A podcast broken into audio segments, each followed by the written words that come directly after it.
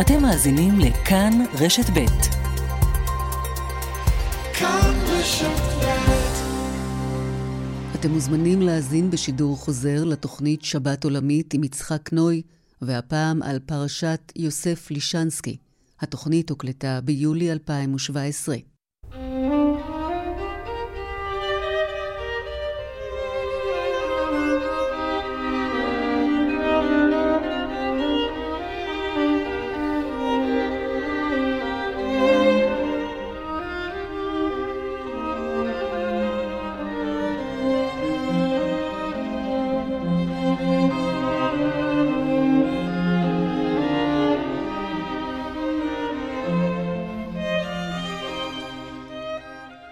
למאזיני תאגיד השידור הישראלי בישראל ובעולם, כאן תל אביב, העיר העברית הראשונה, והיא מתעוררת בדקות אלה ליום של שמחה וחופש, חופי רחצה הומים, בתי קפה ומסעדות, באשר למשדרנו, השבועי.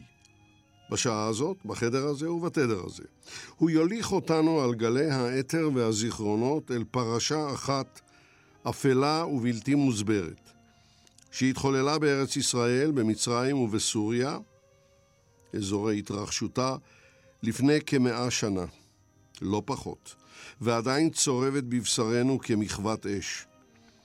זוהי פרשת יוסף לישנסקי, איש ארץ ישראל, שהילך בשדה המוקשים שבין ארגון השומר לבין רשת נילי, ושילם על כך בחייו. לצורך קיום המשדר גייסנו לאולפן השידור בתל אביב את בן המשפחה, בהמשך נבהיר את הדברים, מאיר בן דוב, הארכיאולוג, חוקר ירושלים וארץ ישראל, ולקו הטלפון זימנו את פרופסור מוטי גולני, ראש החוג להיסטוריה של עם ישראל באוניברסיטת תל אביב. יחדיו נשתדל לצייר ציור אובייקטיבי ככל האפשר של הפרשה שאינה מרפה. יוסף לישנסקי, חייו ומותו. כאן ברשת ב' של תאגיד השידור הישראלי. אני יצחק נוי. נצא לדרך.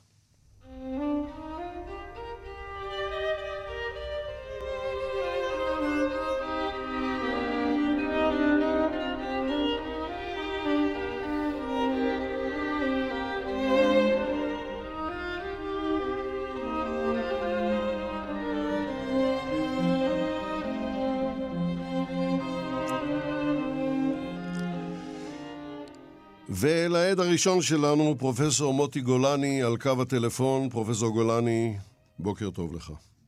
בוקר טוב, איציק.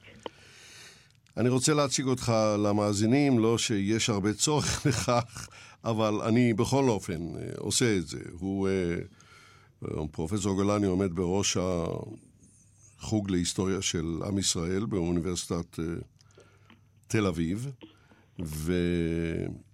כתב כמה וכמה ספרים בנושאים האלה, מהחשובים שבספריו תהיה מלחמה בקיץ, שני כרכים, אני חושב שזה המחקר האולטימטיבי על מבצע קדש, אוקטובר 1956, ספר מרתק, אני מעדות אישית אומר לכם. עוד ספר שהוא כתב, פרופסור גולני, הוא הנציב האחרון על גנרל אלק קנינגהם, שהיה הנציב העליון האחרון בארץ ישראל בשנים 1945 עד להקמת המדינה, 48. ימים אחרונים על סוף המנדט הבריטי, מלחמות לא קורות מעצמן, עם הזרם ונגדו, ואנחנו נשתמש בזה בספר הזה שכתבת ביחד עם יהודה ושולמית ריינהרץ על אה, מניה שוחט, הכתבים שלה, המכתבים שלה, וכעת אתם, אני מבין, אתה עובד עם אה, פרופסור ריינארץ על אה, ביוגרפיה של חיים ויצמן מ-1922 עד למותו ב-52, הלא כן? אכן, אכן. כן. כן, וצריך אולי לציין, 1922 היא שנה מאוד חשובה, הספר הלבן של צ'רצ'יל, תחילת ההתפכחות נקרא לזה, או מה שלא יהיה. עכשיו, אה, לפרשת יוסף לישנסקי, אנחנו נבקש ממך לעשות את הבלתי אפשרי, אה, פרופסור גולני, ולומר לנו במשפטים אחדים, מה הייתה הפרשה הזאת, ומדוע היא משגעת אותנו עד היום? אני חושב שמותר אה, ההיסטוריון, נאמר, לא מעט אנשים שעוסקים בנושא הזה, חלקם בעלי ידע יוצא מן הכלל.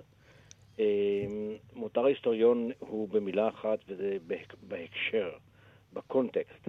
כלומר, ההקשר מאפשר לך לבחון את הדברים נסיבתית לאור התקופה בכלל, ולתת תמונה, אני חושב, אם לא אובייקטיבית, לפחות רחבה יותר של מה, מה שאירע. אנחנו מדברים על ימי מלחמת העולם הראשונה. כן. ימים שבהם הארץ הזו, שעדיין אי אפשר לקרוא לה אפילו ארץ ישראל או פלסטינה איי, הארץ הזו, האזור הזה, עבר מיד ליד במלחמה שהייתה מעין אירוע מתגלגל, לא מתוכנן, שמה שליווה אותה, מעבר לסבל הברור, בעיקר של אלה שהעניין נחת להם על הראש, יהודים וערבים, היה כאן בלבול גדול. בלבול אפילו של זהות. כלומר, לא היה ברור אה, אה, אה, לא רק אה, אה, מה נכון להיות, אלא למה נכון להיות. האם נכון להיות עות'מאני, או נכון להיות לצד הבריטים. עות'מאני זאת אומרת אזרח של האימפריה הטורקית. של האימפריה העות'מאנית, שהיא כשלעצמה, כן, הייתה על עברי פי פחת, מצד שני, הייתה לה עדיין עוצמה מאוד מאוד מרשימה. אבל באירופה היא נקראה האיש החולה על הבוספורוס. נכון, נכון, ואני חושב שהאירופאים הגזימו משהו. בכל זאת, היה, לה, היה להם כוח מאוד מרשים, ולראיה היא לא הוכרעה עד תום, ותעיד אה, אה, טורקיה מודרנית. אבל, אבל מעבר לעניין הזה, אני חושב שגם אלה ש... כמו התנועה הציונית, כמו חלק מהיישוב היהודי, שלא רצו לתפוס צד, גם הם היו במבוכה גדולה. רוב היישוב היהודי באותה תקופה, יישוב קטן, 80-85 אלף איש. כולל העלייה הראשונה, השנייה והיישוב הישן. בוודאי, כן. באופן טבעי, שאין אנושי ממנו, נטה, נטה להיות עות'מאני, במובן הזה של מה יבטיח את חיינו. היה מיעוט אה, קטן, חשוב, שנטה לצד, לצד הבריטי, והיה, אני חושב, אה, אה, היה גם, היו גם לא מעט אנשים שלא ידעו כאמור, כאמור להחליט. התקופה הזאת היא רקע לכל מיני מעשים נוראים יותר, נוראים פחות, וחלק מהעניין הזה זה גם פרשת נילי, ארגון השומר, אה, אה, אה, ומה שביניהם. ואני רוצה כאן, אני רוצה כאן להזכיר את העובדה, את העובדה הבסיסית. היישוב היהודי בעצם שיחק שח עם עצמו. היכולת ההשפעה של היישוב היהודי הייתה קרובה מאוד לאפס, יכולת השפעתו על האירועים. על רקע זה הסכסוך בין עיקר היישוב היהודי אה, לבין אה, אותה קבוצה קטנה ומרתקת, אה, רשת נילי, תפס ותופס עוצמות משתנות שקשורות להווה יותר מאשר לעבר, כלומר לזיכרון יותר מאשר להיסטוריה. אבל נילי הייתה קבוצה מאוד מעניינת שהחליטה לסייע למאמץ הבריטי. צריך לזכור שהמאמץ הבריטי לא היה מתוכנן. זו הייתה תגובה למתקפת, המתקפה העות'מאנית על תעלת סואץ.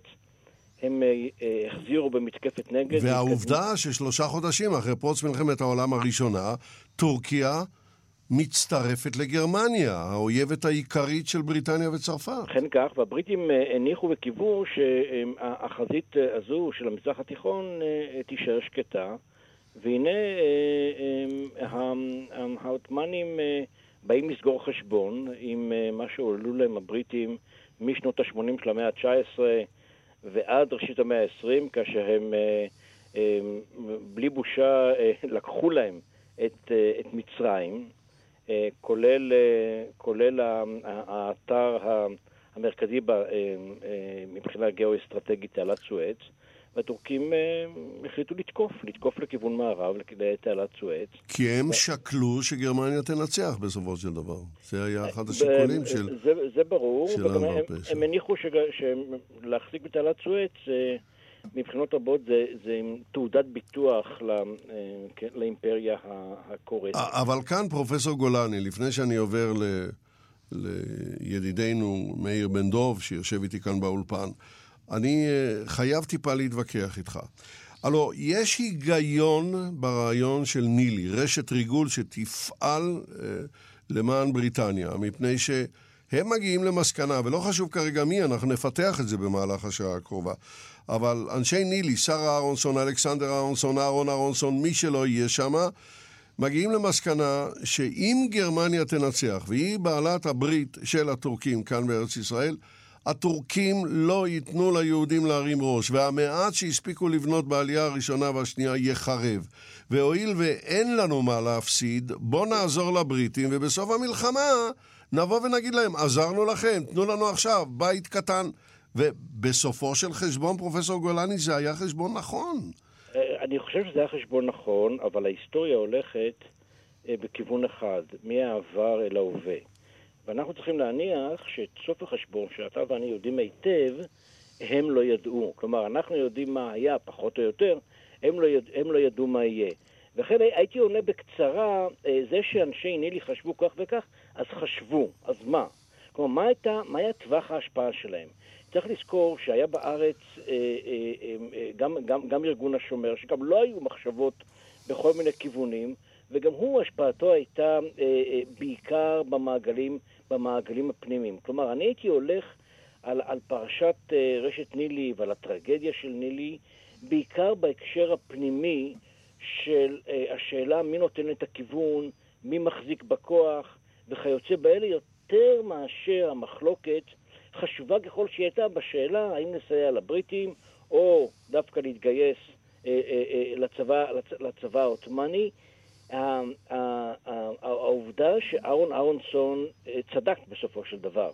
אה, אה, העובדה הזו קשורה, היסטורית לפחות, בעובדה שהיו אנשים יותר רלוונטיים בעניין הזה בהמעטה כמו חיים ויצמן למשל, כמו אה, חבורת מנצ'סטר, שסייעה לו בזירה הרבה יותר חשובה, ואני מתכוון בזירה של בריטניה עצמה, של לונדון. אפילו טוב. הם, ויצמן ואנשיו בלונדון, השפעתם על, על, על, על מה שקרה בארץ הייתה אפסית, ואפילו השפעתם על הצהרת בלפור צריכה, על הולדתה של הצהרת בלפור, צריכה ברור אה, הקשרי אה, יסודי. לכן, לכן אני, אני, אני, לא, אני, לא, אני לא חושב שמי אה, שטוען ש, שנילי היו איזה חבורת בוגדים ומזיקים, הוא צודק, אבל גם לעשות מהם, כפי שאני קורא לא אחת, כאלה שהיו, נאמר, שהיה להם חלק חשוב בהצלחה הבריטית, אני לא יודע, זו לא אמירה היסטורית, אני אומר, בהמעטה. טוב, אנחנו, אנחנו בדברים האלה כרגע נסתפק. אני רוצה לחזור לאולפן שלנו בתל אביב ולפנות אה, אל אה, אה, מאיר בן דוב. מאיר בן דוב הוא אה, ארכיאולוג, וארכיאולוג אה, ידוע. הוא אה, כתב הרבה ספרים על אה, ירושלים וארץ ישראל. הנה, הוא, אחדים מהם הוא הביא לכאן ל... לאולפן, אני מקווה שהשולחן לא יקרוס מחמת משקלם. כאן האיכות היא ברמה גבוהה מאוד, כי זה מלווה בצילומים והכול. אה, חפירות הר הבית, למשל, בצל הכתלים ולאור התגליות. ספר אה, מאוד חשוב בהוצאת אה, כתר, אני רואה.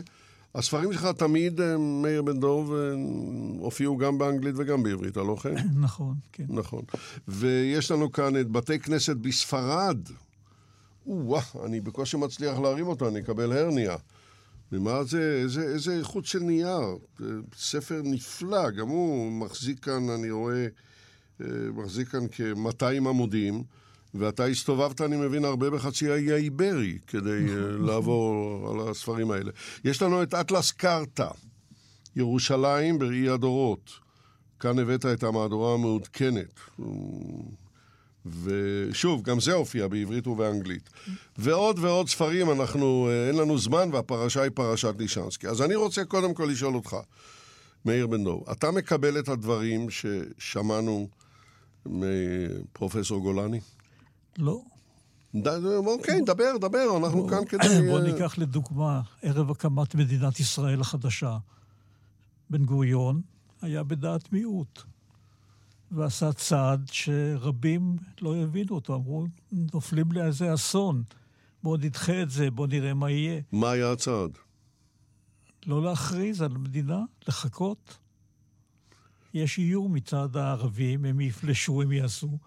והוא נקט את הצעד ללכת בכל זאת ולהקים את העניינים. אבל כל ההיסטוריה רצופה בבודדים שראו נכון וקראו נכון את המהלכים ודחפו לעניינים שלהם. בסדר, אנחנו, את התנ"ך. אנחנו, אנחנו הרי לא נעסוק... המרגל, כן. המרגלים. בסדר, אני... שניים היו אני, בעד ועשרה היו נגד. נעזוב את הדוגמות האלה, כי אה, זמננו בכל אופן מוגבל, ואולי רק נציין שבן גוריון אה, לא החליט לבדו על הקמת המדינה, והיועץ הראשי שלו היה לאון בלום בפריז, שאמר לו, אל תחכה, כי זו הזדמנות שלא תחזור. כן. אבל בוא נעזוב את זה. בוא נעזוב את זה. אני רוצה להתקשר לפרשת לישנסקי. ובואו נראה מה, מה דעתך. אז אתה, מה, מה הדעה שלך בפרשה עצמה? מי היה מאיר לישנסקי? אולי כאן נתחיל לפרוס את הסיפור יוסף קדימה. לישנסקי. יוסף לישנסקי, כן. אה, תראה, יוסף לישנסקי הגיע לארץ כילד בן עשר, יתום, ו... דבר, דבר, למה ונק- אתה לא מדבר? ונקלט, אה, דבר, דבר, אל ונקלט תשים לב אה, לתנועות אצל שלי סבתא כאן. שלי, שהוא היה בעצם דוד שלה. כילד אה, פליט שהפריץ, או הבן של הפריץ, שרף את בית המגורים שלהם באו- באוקראינה, והאבא החליט לעלות אל הבן שלו בארץ ישראל. והוא אז ילד בן הוא שמונה. ילד בן שמונה, תשע, כן. ככה הוא הגיע לארץ, והם הגיעו לפתח תקווה, ששם בנו של יעקב טוביה לישנסקי היה וטרינר ראשון, ולכבודו הקימו שם את תרופות הברון.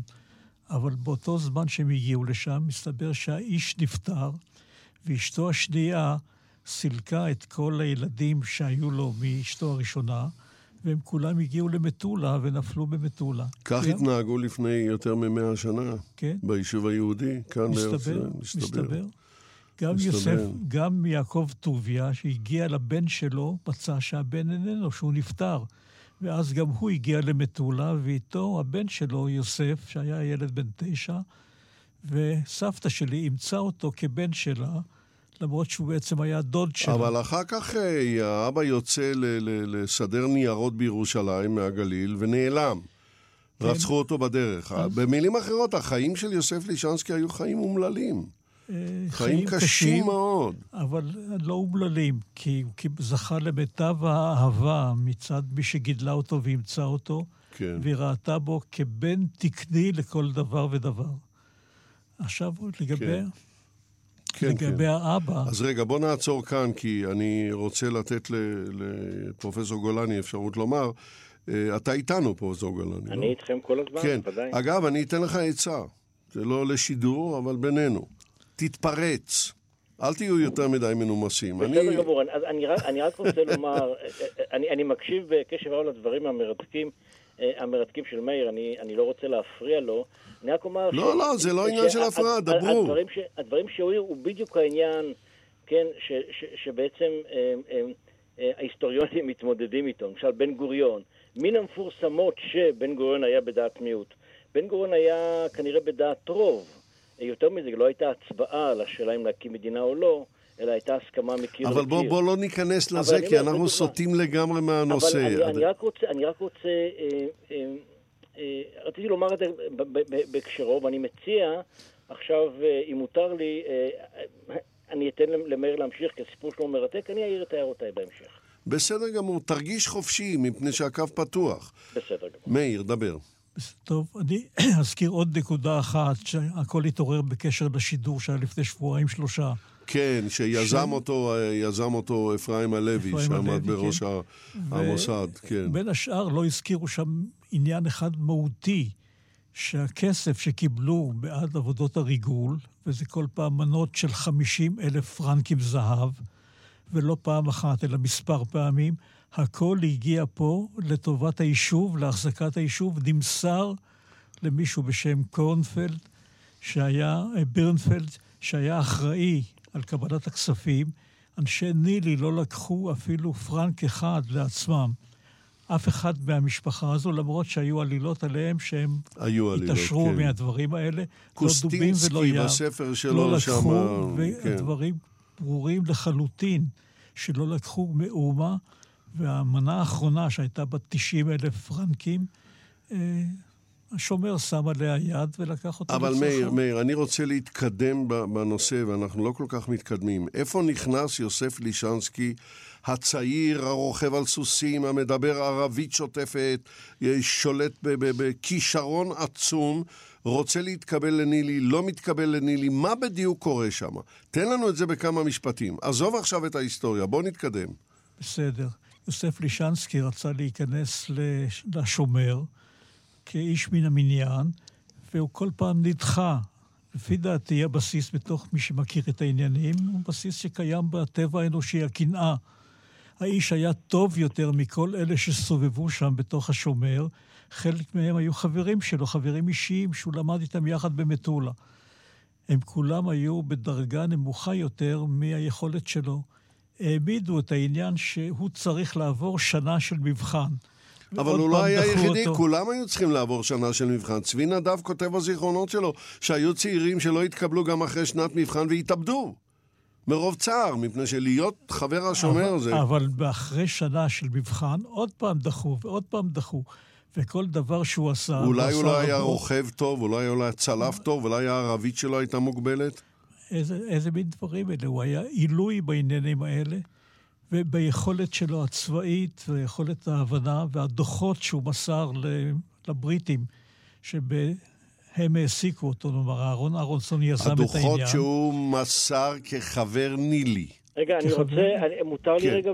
ודאי, ודאי, חובה עליך. אני רוצה שוב, כדי ש... כדי, ואני באמת, עם, עם כל הערכה לדברים שמאיר, המרתקים שמאיר אומר, אסור שדיון כזה יהפוך לסיפור uh, משפחתי. כלומר, כי אז אין לו, אין לו ערך, הוא מעניין בעיקר את, את, את הקרובים ו... ואת אלה נו, בשביל זה זימנו אותך, פרופסור גולני. כי השאלה, שוב, ארגון השומר, השאלה היא מי זה היה ארגון השומר אה, אה, בתקופה הזאת. ארגון השומר אה, היה, היה ארגון, ארגון קטן, שגם התנועה הציונית וגם היישוב היהודי לא רק כיבדו אותו, אלא בעיקר חששו ממנו. כי יהודים נושאי נשק זה לא היה דבר אה, מובן מאליו. כלומר, מי ישתמש בנשק, לאן יראו, מתי יראו, מי מחליט.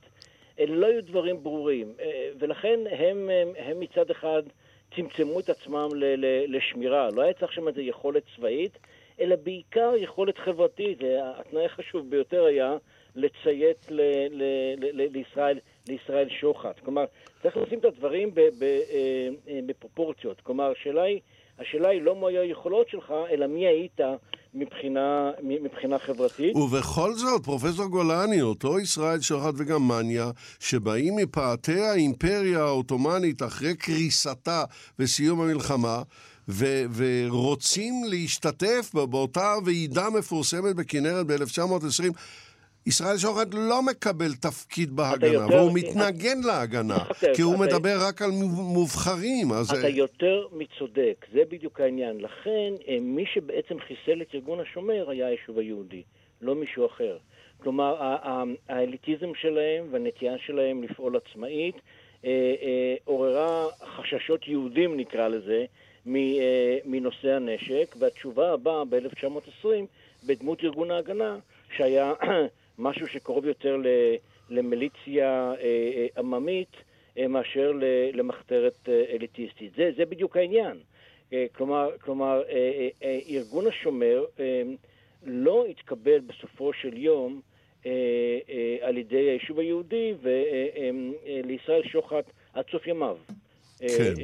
לא שכחו את העניין הזה. לא, הוא גם לא שכח מפני שהוא נדחק הצידה על ידי אה, צעירים כמו אליהו גולום, וזה שבר אותו. במידה רבה מאוד את ישראל שוחט. אבל שוב, שוב אני אומר, בראייה רחבה זה חלק מדיון שעוסק במקומו של הכוח אה, אה, בתנועה לאומית שהייתה אז בבנייה. צריך לזכור את זה, כי יותר מאשר המיקרו משפיע על המקרו, המקרו משפיע על המיקרו. ללא ספק. צריך לשים כל פרט כזה או אחר במקומו.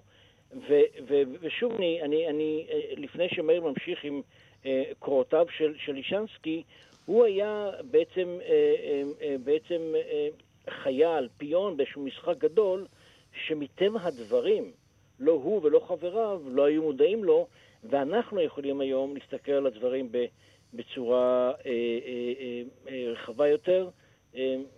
אני אעצור כאן. טוב, עכשיו, קודם כל, אה, מאוד בקצרה, מאיר בן דוב, הארכיאולוג, אה, שהוא בן המשפחה, והוא איתנו כאן באולפן בתל אביב. אתה מקבל את דבריו של פרופסור גולני? אה, באופן כללי כן, אבל רק דבר אחד לא.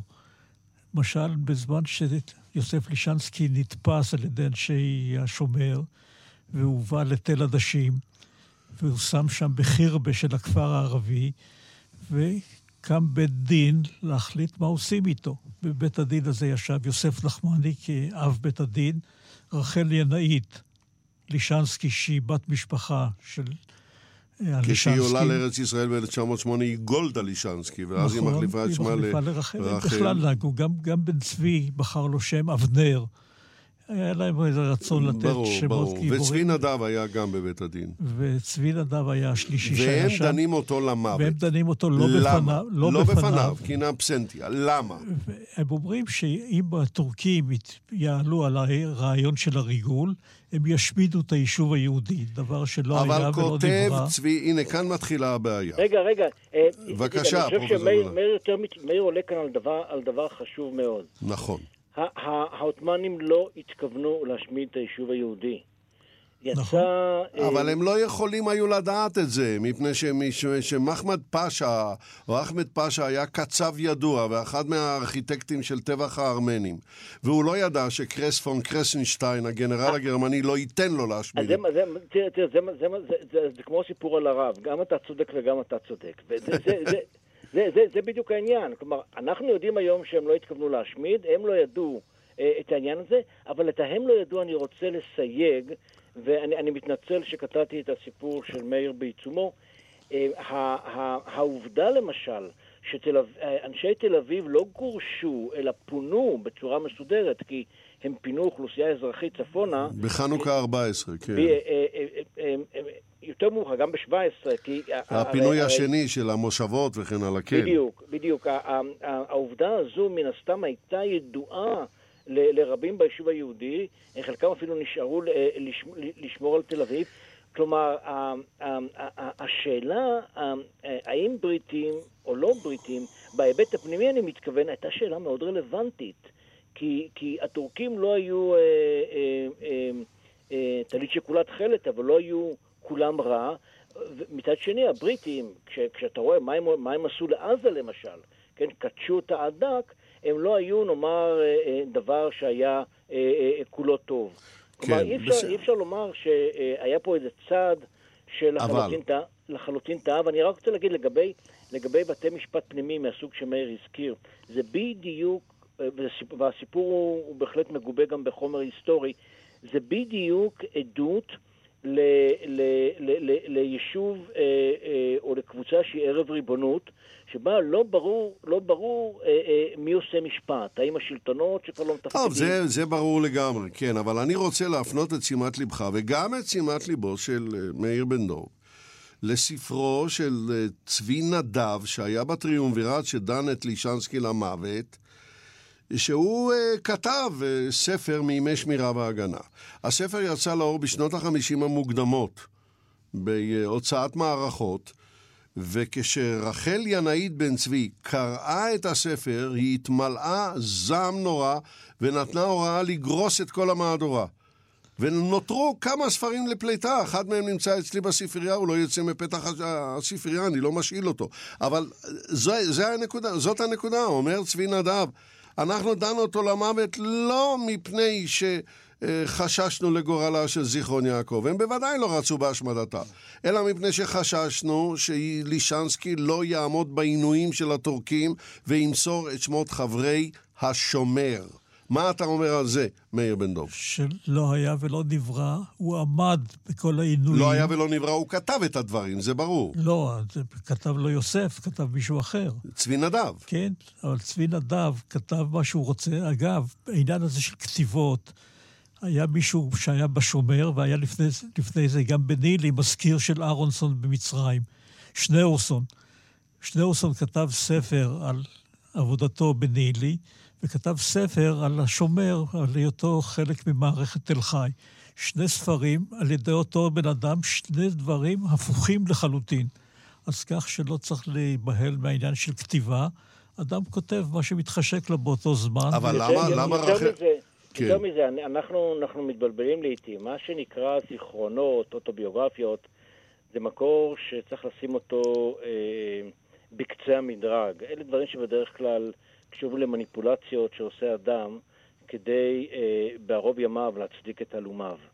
אה, צריך, צריך, צריך להבין את הדברים אבל בכל אופן, פרופסור גולני, הספר הזה עורר את חמת זעמה של רחל ינאית, והיא נתנה הוראה לגרוס למערכות, לגרוס את המ... זה בדיוק העניין, החמת זעמה של רחל ינאית באה מאותו מקום שבו, יוסי, שבו צבי נדב כתב את הספר שלו.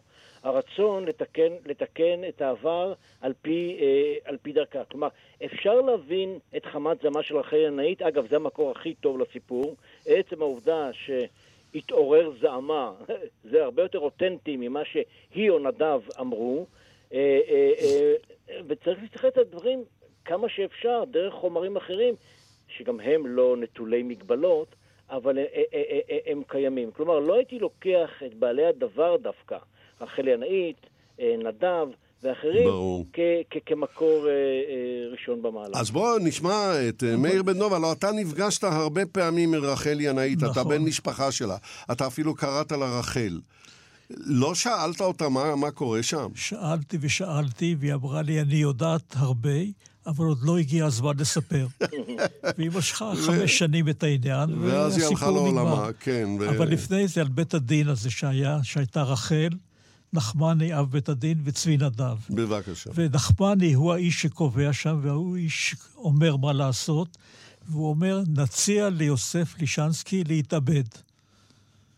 שייקח את אה, חייו. ברור, ו... ברור, זה ואז רחל אומרת שם, והדברים כתובים בספר שלה. היא אומרת שם, ומה נעשה אם הוא לא יסכים? אז נחמני אומר לה, נעזור לו. במסגרת הזו אני רוצה להביא פרט אחד שאולי מוטי לא מודע אליו. וזהו קרוב משפחה שלה, יוסף לישנסקי הוא בן דוד או רחוק. מעבר, או... מעבר. מעבר אפילו. ואז מחליטים שמה להזמין את ישראל גלעדי ליבדל ולומר לו שמתכוונים להוציא להורג את יוסף לישנסקי.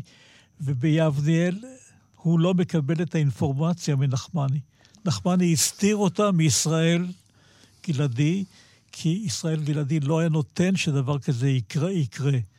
והם מסתירים ממנו את העניין ושולחים את יוסף לישנסקי לחמרה, ומטילים על שניים מהשומרים להוציא אותו להורג על יד בתולה, ו... ושם הם לא מצליחים, ידוע. הם פוצעים אותו, ויש שמועות שמי שירה בו בכוונת מכוון לא, לא ירה כדי להרוג. לא, לא זה לא נכון, הוא ברח לאמריקה. השני...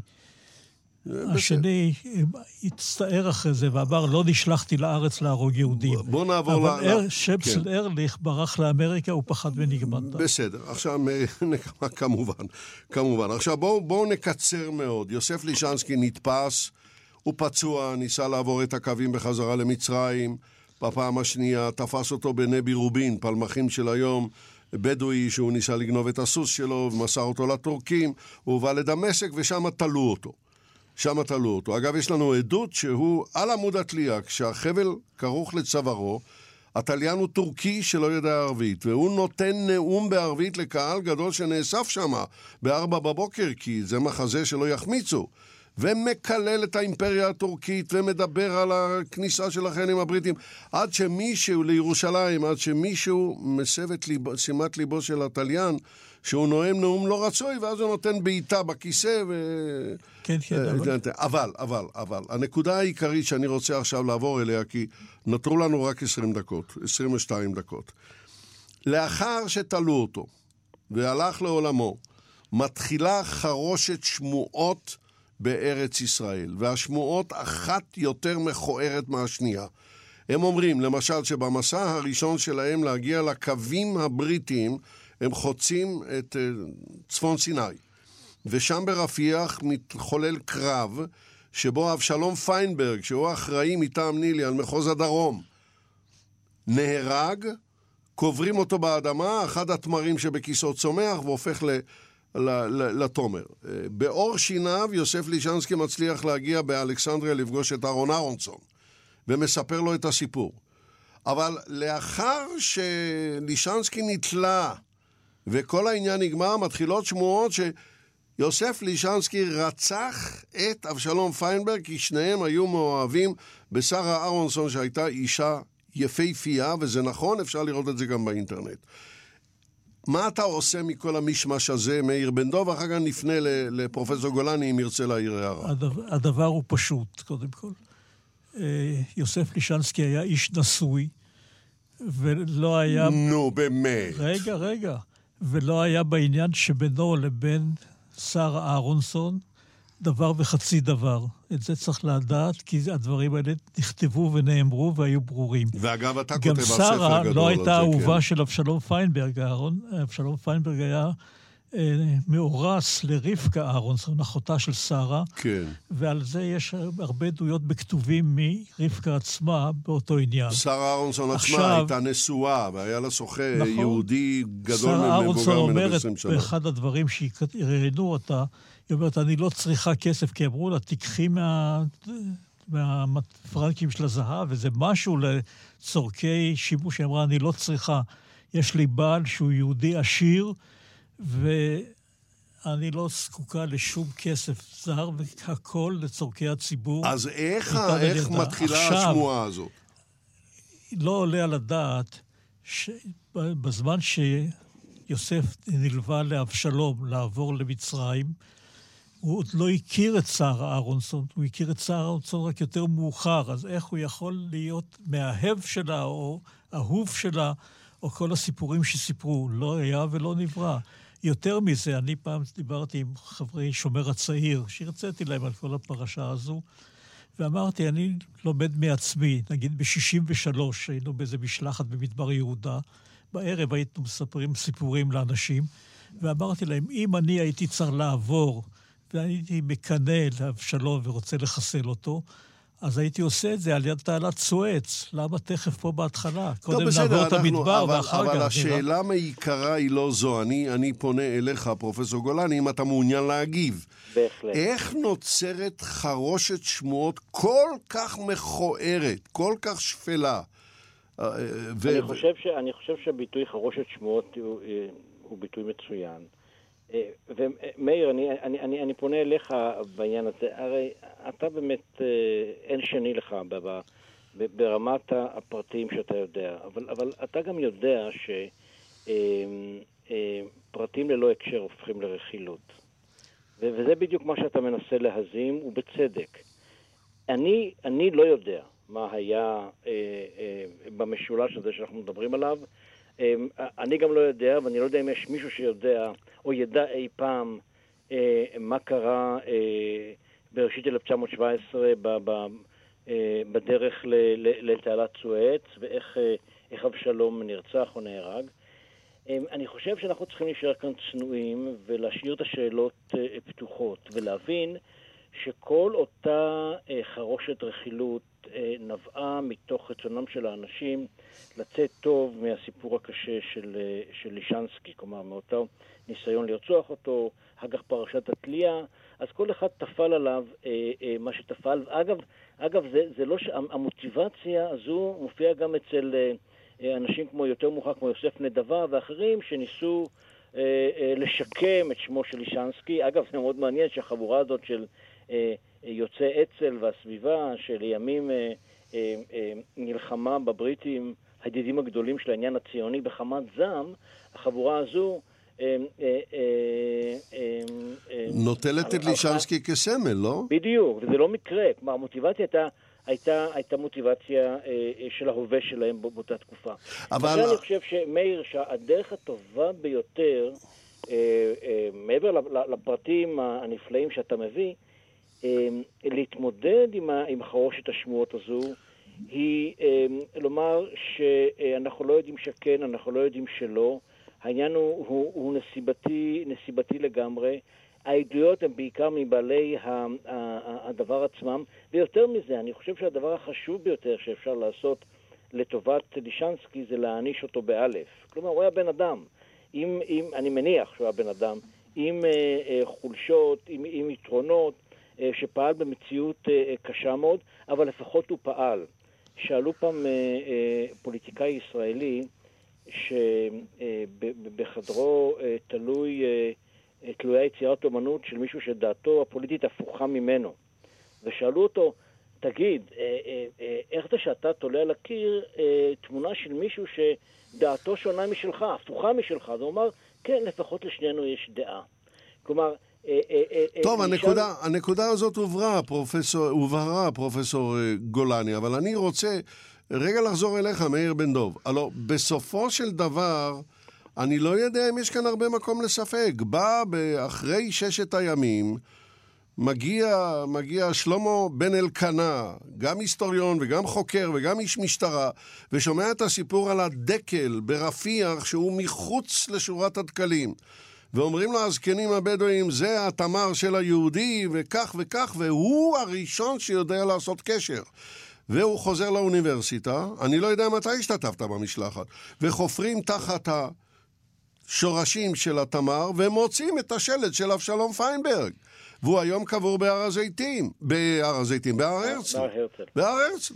קבור. זאת אומרת שהסיפור ש, שהוא סיפר, אם הוא בכלל סיפר את זה, אבשלום, אה, יוסף לישנסקי, היה נכון, הוא לא הרג את אבשלום פיינברג. אז, אז למה עדיין אנחנו תוהים? אני כילד גדלתי בבית של, של מפא"י. תנועת הפועלים, ואני מכיר את הסיפורים האלה, ש, שיוסף לישנסקי היה מפלצת. בוא אני אומר לך עוד משהו כן. אחד קטן בעניין הזה.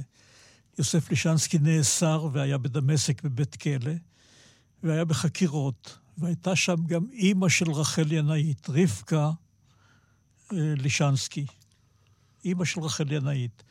והכניסו אותה לחדר, ואמרו לי, יוסף, הרי חששו שהוא יסגיר את אנשי השומר ואת כן, החברים בוודאי. שלהם. מי, מי זו? אז הוא אמר, זו אישה זקנה, מה לה ולענייני, מה אתם מכניסים אותה אליי? רבקה כותבת את זה בספרון קטן שיצא. הוא הציל את חייה. זאת אומרת, צריך לקרוא כל דבר ב, במקור.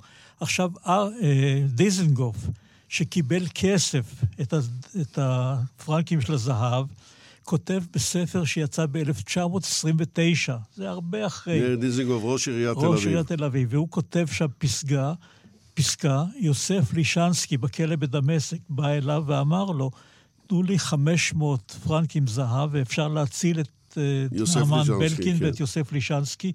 ודיזנגוף אומר, אמרתי לו, לא אתן לך. כי דיזנגוף היה מקושר בזמנו, בימים ההם, עם, הוא היה מהנדס, עם קו מסילת ברזל שהטורקים רצו לסלול לעבר תעלת סואץ, וזה הטריד אותו, והוא כותב שם, אמרתי לו, לא תקבל ממני אפילו פרוטה. ב-500 פרנקים זהב, היינו מצילים שני אנשים יקרים. גם את נעמן בלקין, עכשיו, ש... שהיה בדרום. הזכרת קודם כן. שבנאום שלו, שניסה בערבית, הוא אמר מילת מפתח אחד, הוא לא קילל שם, הוא רק אמר, הייתה האשמה תלויה על החזה שלו. נכון. במה הוא נאשם. כן. והוא נאשם בבגידה. ויוסף לישנסקי אמר לא שם, בגדתי. בשביל בגידה צריכה להיות אהבה. לא אהבתי את המשטר הטורקי ואת הפלקות שלו. ואת השוחדים וכך הלאה, וה, וה, ולא בגדתי. והצופים, וכשהוא אמר את זה, תרגמו את זה, זה לטורקי, כן. מערבית לטורקית. ואז הוא הדף את האדום ותלה אותו, כן. לתלות כן. אותו וזהו זה. כן. אז כן. האיש הזה היה איש עם שאר רוח, בכל מעשיו, בכל ענייניו, ולא לתלות עליו איזה דברים כאלה. משהו קטן שאני אוסיף, זה עדות שאני יודע מעבריה, בתו של יוסף לישנסקי, כשהייתה בת שמונה. יוסף לישנסקי נתן לאשתו ברוחמה גט, ואמר לה, אני נותן לך את הגט הזה כדי שאם יתפסו אותך ויחקרו, תגידי, הנה, התגרשתי, אני, אין לי קשר איתו. ועבריה בכתה אז, כי ילדה בת שמונה, היא לא בדיוק הבינה על מה מדברים פה.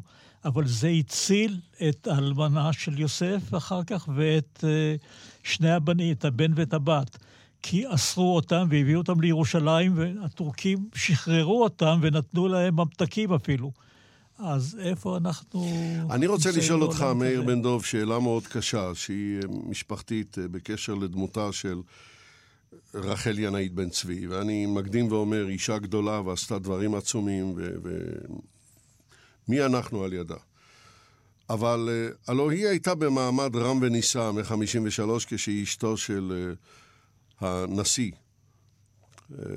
והיא הייתה יכולה להזים את השמועות. היא הכירה את השמועות האלה. היא ידעה מה, מה אומרים על יוסף לישנסקי. הגופה שלו הובאה מדמשק לראשון לציון, לבית הקברות, ושם היו באים ויורקים על הגופה, אה, על המצבה ומשחיתים אותה, אנשי ראשון לציון. אחר כך אה, הוא הועבר, אחרי הסיפור של, של אה, שלמה אלקנה, הוא הועבר להר הרצל. אבל, אבל זה, זה, זו טרגדיה מחרידה, מה שהיה שם. מדוע רחל ינאית בן צבי, בת המשפחה שלך, לא התערבה כדי להציל את שמו? אפילו בן גוריון לא סבר שהוא מפלצת כזאת כמו שעשו ממנו. אני אומר לך שני משפטים. אחד, הייתה עברה גדולה בין המשפחה שלי שנאה, פה לא כולם מבינים איתם. עברה, שנאה, כן. שנאה, כן. ורחל הייתה ב-1907, בליל הסדר במטולה אצלנו, ואימא שלי שאלתה, שאלתה אז בת תשע, שאלה את הקושיות באותו ליל סדר. אנחנו מדברים כבר בנערה די מבוגרת ומבינה, ולנו היה בין השאר במשק להקה של אווזים. וסבתא שלי אמרה לה, היא נשארה שם עוד שבועיים, ואמרה לה, תצאי פעם אחת עם העדר של האווזים לראות אותם במרעה. להקה, להקה. להקה. ורחל אמרה לה, מה פתאום? אנחנו לא באנו בשביל לעבוד פה בדברים כאלה. ואז סבתא שלי אמרה לה, אם ככה, אז תלכי מפה. והיא סילקה אותה. אז היא אמרה לה, רחל, זהבה אז, גולדה, אמרה לה, אבל אנחנו משפחה. אז סבתא שלי אמרה לה, אנחנו לא משפחה, אצלנו אין כאלה במשפחה שלנו. והיא עזבה. עכשיו, סוף הסיפור הזה, זה הדבר המעניין. ב-53, כשבן צבי נבחר לנשיא, ותיקי השומר התרכזו בכפר גלעדי. ורחל ינאית הייתה שם כמובן, בין כל שאר האנשים, צילמו צילום, יש לי את הצילום ויש לי את השמות של כל האנשים, ורחל אמרה לנהג של בן צבי בשבת, תיקח אותי למטולה, אני רוצה לראות את גברת לישנסקי. עכשיו היא נשיאה, היא גירשה אותה מהבית, עכשיו היא נשיאה, היא רוצה לראות אותה. היא אשת נשיא. היא אשת נשיא, אבל היא, הייתה, אבל היא, הייתה, היא ראתה את עצמה כנשיאה.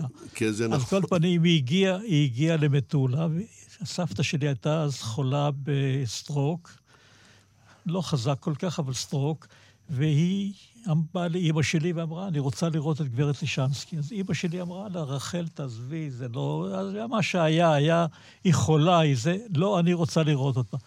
והיא הכניסה אותה לחדר, היא הייתה שכבה שם, וברגע שהיא ראתה את רחל, אנחנו מדברים הרבה הרבה שנים אחרי זה, היא סובבה בשארית כוחותיה את ראשה אל הקיר. לא רוצה לראות אותה. כדי לראות אותה. זה לא, לא יאמן. אז הסיפור, הסיפור הוא מרגש אני, מאוד. אני, אני יכול פרופסור גולני, כן, אתה יכול להצטרף, כי יש לי גם שאלה אליך. אז, אז אני רק אומר, אני יושב כאן מרותק לסיפורים של מאיר, אבל, אבל, אבל, אבל ורחל ינאית אה, דמות אה, בעייתית ביותר, נאמר, בהמעטה, אה, לא כל כך בגלל תפקידה ההיסטורי, שהוא פחות חשוב, אלא בעיקר אה, כי הייתה מהנדסת זיכרון אה, תקיפה מאוד, אה, אה, והיא רצתה להחליט מה נזכור ואיך נזכור, אבל זו, זו פרשה אחרת.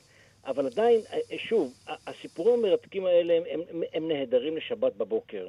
ל, ל, ל, לעניין... בשבת בבוקר אפשר לדבר גם על האסטרטגיה של המדינה, אתה יודע. נכון, אבל, אפשר... אבל, אבל, אבל שוב, כשהם נאמרים ללא הקשר, כן, אז, אז, אז שוב, הקבוצה הזאת של אנשי השומר, שבשנות החמישים היא כבר קבוצה אה, פתטית משהו, שנלחמת על עברה. עד כאן לעכשיו, גבירותיי ורבותיי. תם ולא נשלם. סיפור חייו ומותו של יוסף לישנסקי, צעיר ארץ ישראלי, שלחם בדרכו למען מדינה יהודית בארץ ישראל, הגיע כאן לסיומו הלא מסופק, כשהוא מותיר אחריו שובל של שאלות שימשיכו ויעסיקו אותנו. תודה. תודה לפרופסור מוטי גולני ולחוקר ארץ ישראל מאיר בן דוב על בקיאותם הנפלאה וזמנם הטוב. יוסף לישנסקי, חייו ומותו. אני יצחק נוי. הבאנו בשידור חוזר את התוכנית שבת עולמית עם יצחק נוי על פרשת יוסף לישנסקי. התוכנית הוקלטה ביולי 2017.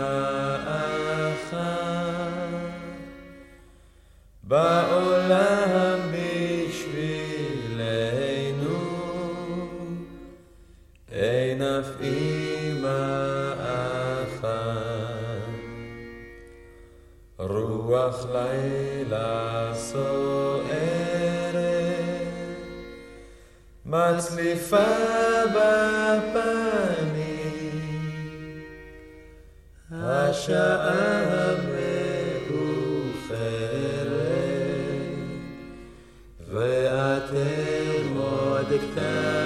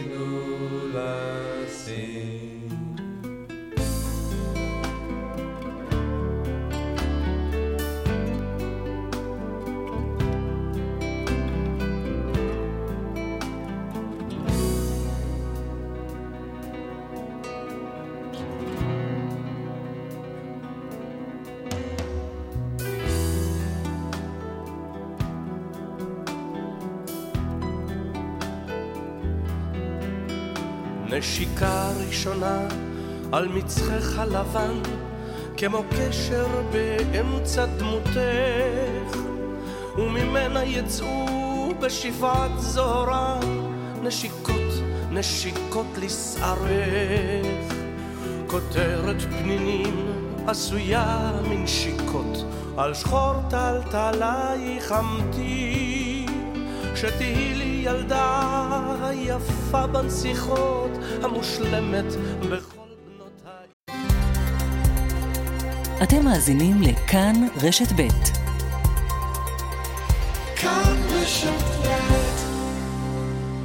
מביאים בשידור חוזר את התוכנית שבת עולמית עם יצחק נוי, והפעם במלאת 83 שנים לפרוץ מלחמת העולם השנייה, נביא משדר מיוחד שהוקלט בשנת 2019.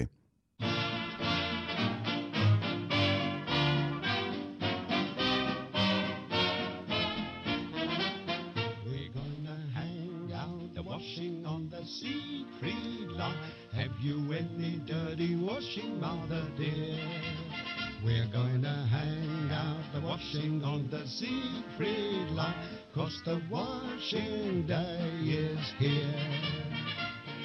Whether the weather may be wet or fine, we'll just rub along without a care. We're gonna hang out the washing on the Siegfried line, if that Siegfried line's still there. למאזיני רשת ב' של תאגיד השידור בארץ ובעולם, בוקר טוב ושבת שלום. לפני 80 שנה, בארבע לפנות בוקר, פלש צבא גרמניה ההיטלראית לפולניה ללא כל פרובוקציה ובניגוד לכל הבטחות קודמות. בריטניה וצרפת שלא כדרכן מיהרו להטיל על גרמניה אולטימטום, אם לא תצא, תפרוץ מלחמה. היטלר המופתע התעלם מן האולטימטום, וכך החלה מלחמת העולם השנייה. הנוראה במלחמות שהמיט על עצמו המין האנושי מעולם. בין 65 ל-70 מיליון הרוגים היה מניינה. ולמעט יבשת אנטארקטיקה, היא פשטה כהרבה רעב על פני שאר היבשות. מעכלת בדרכה בני אדם, בעלי חיים, בתים ובתי חרושת.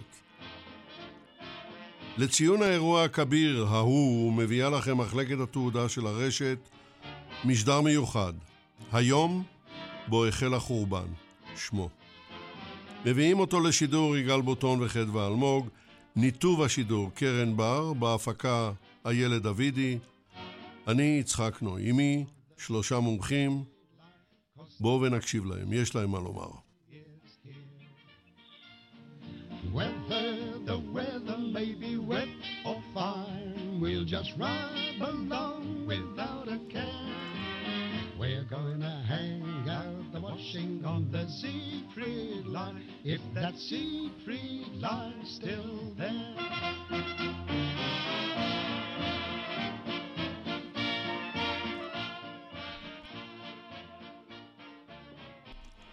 פרופסור משה צימרמן, בוקר טוב לך, שבת שלום. בוקר טוב.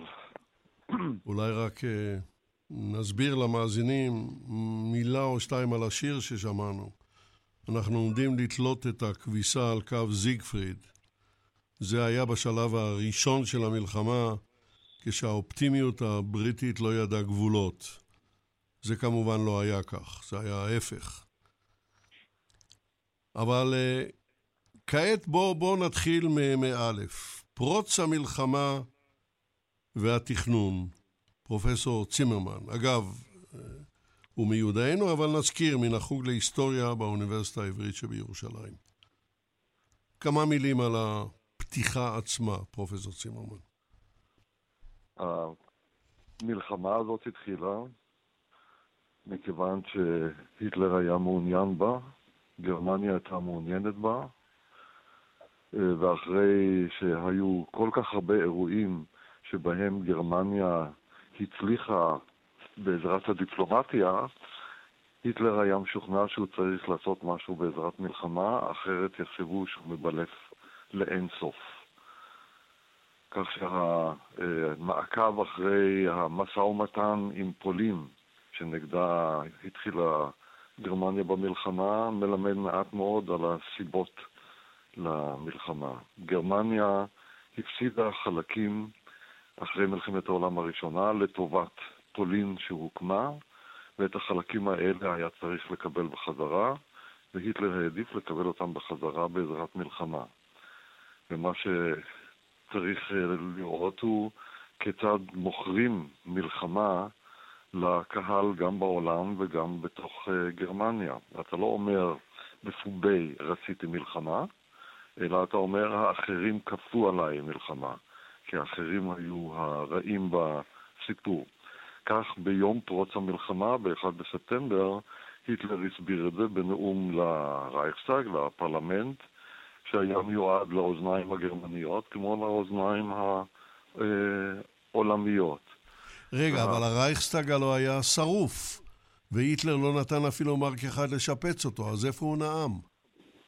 הרייכסטאג אה, הוא האספה, הפרלמנט, שאפשר לנייד אותו מהמקום שבו הוא ישב ונשרף אה, בפברואר 1933 לבניין סמוך, שהוא נקרא האופרה של קרול, שהיה כמובן סוג של אירוניה, מכיוון שזאת הייתה, היה בניין אה, בבעלות יהודית, החרימו אותו, ובתוך המבנה הזה הרייכסטאג היה מתכנס כדי לשמוע באופן חגיגי את הנאומים של היטלר. כך שבבניין הזה שמע העולם את אה, נאומו של היטלר מ-1 בספטמבר 1939. כן, אנחנו נדבר שבו... עליו בהמשך, על, על הנאום הזה, כן.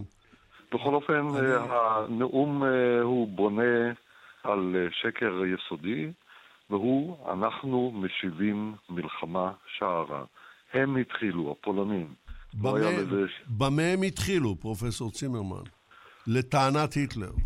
הטענה שלו היא שמהיום ב-5.45 בבוקר, שזה גם השעה הזאת, היא הומצאה על ידו, אנחנו יורים בחזרה על צבא סדיר שירה בפעם הראשונה על האדמה הגרמנית.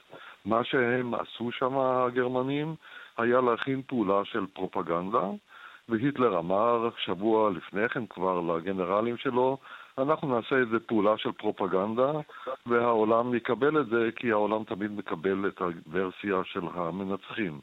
הם אה, ארגנו אה, התקפה כביכול של פולנים על אה, תחנת רדיו במד... בעיר גרמנית, גלייביץ, וההתקפה הזאת שבוימה כהלכה, היא הייתה העילה בעיני אה, האנשים שסביב היטלר לפרוץ המלחמה.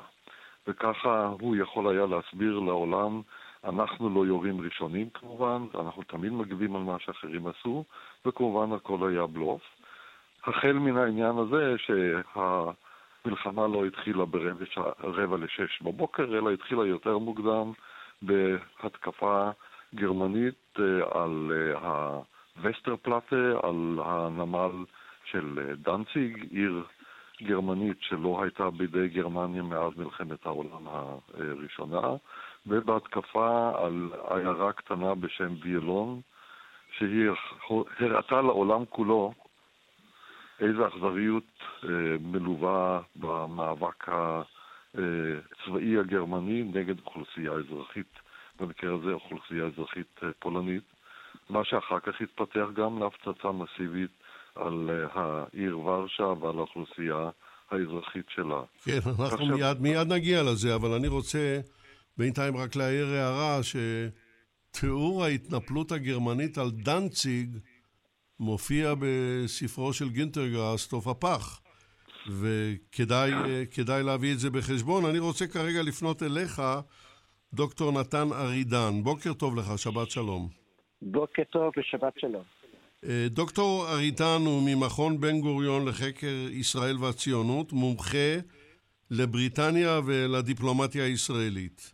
מספריו נציין את uh, הספר Britain, Israel and Anglo Jury בשנים 2010-2016, או במילים אחרות, בריטניה, ישראל והיהודים בבריטניה בשנים ההם, בהוצאת רטליג'. עכשיו, השאלה שאני רציתי לשאול אותך, הלו לבריטניה וגם לצרפת יש היסטוריה עגומה מאוד. הם פונים, נבל צ'מברלין פונה למינכן ומקבל את תנאיו של היטלר ומכופף את צ'כוסלובקיה ביחד עם צרפת והוא אפילו מעז לבוא ולומר כנגד דעתו שלו באווירון כשהוא נוחת בלונדון Peace in our time, היטלר is signed on it. שלום בזמננו, היטלר חתום על זה. והוא יודע שזה הכל בלוף. כאן, פתאום הם גברים שבגברים מיד מטילים אולטימטום על היטלר אם לא תיסוג, תפרוץ מלחמה, והוא לא נסוג, הוא פורץ את מלחמה. איך זה קורה, דוקטור ארידן? אני רוצה לציין בהתחלה מ-AJP טיילור, היסטוריון דגול, שאני מצטט, היסטוריונים הרבה פעמים לא אוהבים מה שקרה בעבר, או הם רצו שמשהו היה קורה באופן שונה. אין משהו שאנחנו נוכל לעשות על זה. הם חייבים להגיד את האמת, איך הם רואים את זה, ללא לדאוג האם זה באמת מפריע לאנשים. מה שקרה כאן, שדרך אגב, כשצ'יימברלין חזר עם הפתק Peace in our time, אני לא יודע אם, אם רוב האנשים uh, מבין, uh, יודעים את זה, אבל uh, הוא, הפתק, מ, לפחות משהו מנפנף באוויר מהיטלר, לא היה בידיו, והוא נפנף משהו ריק, שלא היה כתוב. וזה גם כן היה סימפטומטי על מה שקרה. Um, מה שקרה שבעצם um, ההתחייבות של הבריטים, uh, גם בצרפתים יותר מאוחר, um, שוכחים שזה ברית מאוד מהפכני, כי זו הפעם הראשונה שהבריטים התחייבו להילחם למען מדינה אחרת, חוץ מצרפת ובבלגיה, ובמאי 39 כמובן פולין, הם, הם חתמו על ההסכם הפרטי של ההסכם ה-1921, אבל זה לא היה מאושר על ידי הצרפתים עד 4 בספטמבר. אז כשהיטלר נפגש עם צ'יימברלין, ודרך אגב, חשוב לציין כאן, הביקור של צ'יימברלין בהיטלר זה גם כן היה נקודת מפנה בהיסטוריה הדיפלומטית. זה הפעם הראשונה שמנהיג נסע מעבר הים לפגש עם עוד מנהיג, מה שנקרא טט טט. בדרך כלל מנהיגים נפגשו בוועידות או שר החוץ, אבל המהפכה כאן ששר, כמובן ראש הממשלה, ראש הממשלה צ'יימברלין נסע באופן אישי להיפגש עם היטלר. העניין כאן שבעצם הצופ... הבריטים לא היו מאה אחוז שהאם הצרפתים היו מוכנים לאשר את, ה... את ההסכם, לא היו מוכנים למלחמה, ואני אענה על השאלה הזו אחר כך. בסדר גמור, תענה עליה אחר כך. בוא בשלב זה נפנה למומחית השלישית שלנו, והיא דוקטור מירי פרייליך. דוקטור פרייליך, בוקר טוב לך, שבת שלום. בוקר טוב. דוקטור פרייליך היא מאוניברסיטת חיפה, ממרכז שטרוכליץ לחקר השואה. מספריה, הפרטיזנית, הביוגרפיה של ויטקה קובנר, אשתו של אבא קובנר, בהוצאת רסלינג 2013, וספר נוסף שכדאי לציין, אחים במבחן, תנועת בית"ר בתקופת השואה ולאחריה, בהוצאת יד יצחק טבנקין, 2010. השאלה שלי אלייך, דוקטור פרייליך, בואי נתחיל מההתחלה. אנחנו... מה היו ההכנות שעשתה ממשלת פולניה לקראת אפשרות של תקיפה גרמנית? כי הרי כבר היה ברור שהיטלר הוא דמות יחידה במינה והוא אדם מסוכן מאוד. אז ממשלת פולניה, אנחנו יודעים שבשנים שלפני פרוץ המלחמה לא נהגה רוחב לב עם יהודי פולניה. אבל מעבר לזה, האם היא עשתה משהו לגונן על עצמה? אה, נתחיל עם זה שפולין זכתה לעצמאות אה, רק ב-1918, כן?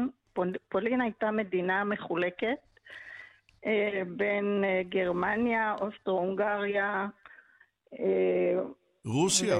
רוסיה, כן.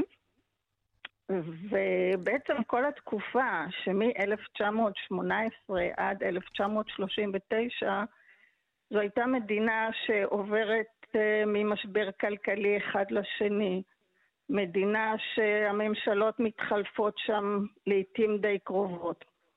אמנם הייתה תקופה של, שנקראת תקופת פליסוצקי, כן, שמ-1926 עד 35 עד מותו הייתה מין אה, יציבות שם, אבל אה, בוא נאמר שזו הייתה מדינה מאוד מאוד בעייתית.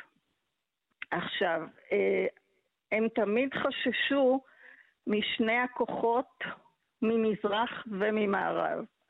מצד אחד החשש מברית המועצות הגדולה והעצומה, ומצד שני החשש מגרמניה, שהתחילה להתעצם אחרי עליית היטלר לשלטון, והחשש היה מה הם יעשו שוב מול אה, המדינה הקטנה יחסית בין שתי הכוחות. עכשיו, אה, ב-1935 הם חתמו על הסכם עם היטלר. עכשיו, זה לא הניח את, אה, את חששותיהם כמובן, החששות היו כל הזמן, אבל אה, איכשהו העניינים אה, התקדמו, וב-1939 הם כבר הבינו שמצבם הולך ומידרדר. עכשיו, אנחנו כמובן יודעים על אה, הסכם ריבנטרופ-מולוטוב. כן, של ה-23 באוגוסט, שבוע כן. לפני פרוץ המלחמה. בדיוק. שנחתם בין גרמניה וברית המועצות. והיה שם אה, סעיף סודי, שברגע שהגרמנים פולשים, אה, בעצם ברית המועצות פולשת ממזרח, ופולין מתחלקת אה, או נופלת שלל בין שתי המעצמות האלה. וזה אומנם מה שקרה. זה אומנם מה שקרה. הגרמנים פולשים מהמזרח, מהמערב. אה, כעבור אה, שלושה שבועות הצבא האדום בא מהמזרח ופולין מתחלקת בין שתי המעצמות האלה וכך החל אה, הגורל הקשה של פולין במלחמת העולם השנייה. ובתוך הגורל האיום והנורא הזה, גורלם של היהודים היה הרבה הרבה יותר גרוע. נדבר על זה בהמשך. כרגע כן, אני חוזר... אה, כן, בבקשה. אוקיי. רצית להוסיף לא, משהו. רק רציתי, אה, אה, צריך להזכיר בכל זאת את אה, תורת הגזע הנאצית בהקשר לזה, כן? שהנאצים אה, מחלקים את האנושות לשלושה, לשלושה סוגים, כן? הגזע העליון, שזה הם, והנורדים, אה, גזע העבדים, שזה הסלאבים, והמטרה של הגזע הזה זה לשרת את הגזע העליון, והגזע הנחות ביותר שאין לו זכות קיום. עכשיו, כן. אה, אה, האידיאולוגיה, אם אפשר לקרוא לה ככה, במרכאות, כן? היא זאת שהנחתה אותם מיד לאחר כיבוש פולין. גם כלפי הכיבוש, הפולנים. כן, כן. צריך לזכור את זה שגם כלפי הפולנים. התיאורטיקן הגדול הוא כמובן אלפרד רוזנברג, ואני חוזר אליך, פרופסור משה צימרמן. עכשיו, מה היטלר, קשה מאוד להביא, להסביר את זה, אבל משתדלים. מה היטלר חשב שתהיה התפתחות המערכה? כמו שנאמר כבר כאן, רק אם תתקרב. בין, בין הידיעה שלנו בדיעבד מה שקרה, לבין הערכה למה שיקרה אז בזמן האמיתי. היטלר פעל כאן אה, בצורה שהיא מאוד שיטתית, ומבחינת המדיניות אה, מאוד נבונה, כמה שזה קשה לומר את הדברים האלה. הבעיה הגדולה הייתה, לקחו לנו שטחים ונתנו אותם לפולין. אנחנו רוצים את השטחים בחזרה. בעקבות הסכמי, בעקבות ההסכמים, מלחמת, מלחמת העולם סיום הראשונה. מלחמת העולם הראשונה, נכון. כפי שנזכר, פולין הוקמה על ידי המדינות שניצחו במלחמת העולם הראשונה. איך לעשות את זה? אחרי שהוא כבר קיבל בחזרה שטחים אחרים באירופה, כאמור, הוא רוצה לנהל מלחמה נגד פולין. אם אתה מנהל מלחמה נגד פולין, אתה צריך לחשוב לאן זה יתפתח. האם ברית המועצות אה, תיכנס אה, למלחמה נגד גרמניה גם כן? טוב, לזה הוא לא צריך לדאוג, יש לו כבר הסכם נגד בכיס. זה הוא עשה הסכם שהוא הפתעה דיפלומטית ענקית, הסכם עם ברית המועצות. והוא הסביר את זה לעם שלו ולעולם כולו. תראו, אם הרוסים שיש להם אידיאולוגיה אחת לא מתערבים אצלנו, אנחנו יש לנו אידיאולוגיה אחרת לא מתערבים אצלם, ולכן אנחנו יכולים להגיע להסכם של אי התקפה. זה מה שהוא הסביר לכולם, ובזה הוא שחרר את עצמו מהחשש הזה. עכשיו החשש הבא, מה יהיה עם המדינות המערביות? צרפת, אנגליה. כפי שהוא הסביר את זה לגנרלים שלו, הוא אמר, אנחנו היינו בעצם צריכים להתקיף קודם במערב, אבל אנחנו נתקיף קודם בפולין, ואני יוצא מההנחה הסבירה שאנגליה וצרפת לא ינהלו נגדנו חזית שנייה. הוא בעניין הזה נכשל, כי, כמו שאתה הזכרת, הם הכריזו מלחמה, אבל מצד שני הוא הצליח, מכיוון שהם הכריזו מלחמה ולא עשו מלחמה, ונתנו לגרמניה לחסל את פולין בלי שהות תוך uh, שבועיים שלושה.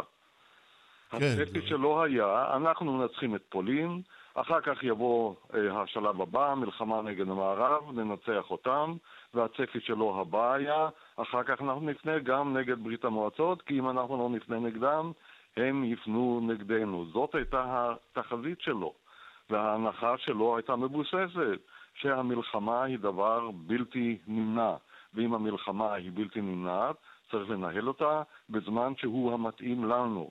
וההנחה שלא הייתה, והגנרלים בסופו של דבר הסכימו עם זה, ש-1939, 1940 היא השנה שמבחינתה של גרמניה היא הכי נוחה. אבל אתה יודע, פרופסור, פרופסור אה, צימרמן, לא כולם קיבלו את זה. הרמטכ"ל בק לא קיבל את זה שנה לפני כן. ואז אמר לו היטלר, אם אתה לא סומך עליי, והרמטכ"ל בק לא היה חסיד גדול, ולא צדיק גדול, הוא פשוט חשב שגרמניה עדיין לא מוכנה למלחמה. והיטלר אמר לו, אם אתה לא סומך עליי, קום תתפטר. אז הוא התפטר. אכן, אה, היטלר אה, נמצא במחלוקת עם הגנרלים שלו, אבל המחלוקת הזאת הייתה בעיקר על העניין של התזמון, לא על העניין של המהות. גם הגנרלים היו מעוניינים לקבל בחזרה את השטחים שעבדו בפולין, הם היו מעוניינים לקבל בחזרה גם יותר, וכך לא הייתה לו בעיה להיפטר מהקצינים הגבוהים שלו אה, ב-1938, ובעזרת הקצינים שנשארו או שהיו לצידו אחר כך, לנהל את המלחמה. אחרי מלחמת העולם השנייה, כשאנשים ישבו וכתבו את הזיכרונות שלהם, הם ניסו לבנות סיפור כאילו הגנרלים היו באופוזיציה ל- להיטלר. הם לא היו באופוזיציה להיטלר, ולכן היה להיטלר קל מאוד להתגבר עליהם, ולכן ניהלו את המלחמה בסופו של דבר כמו שהוא תכנן אותה.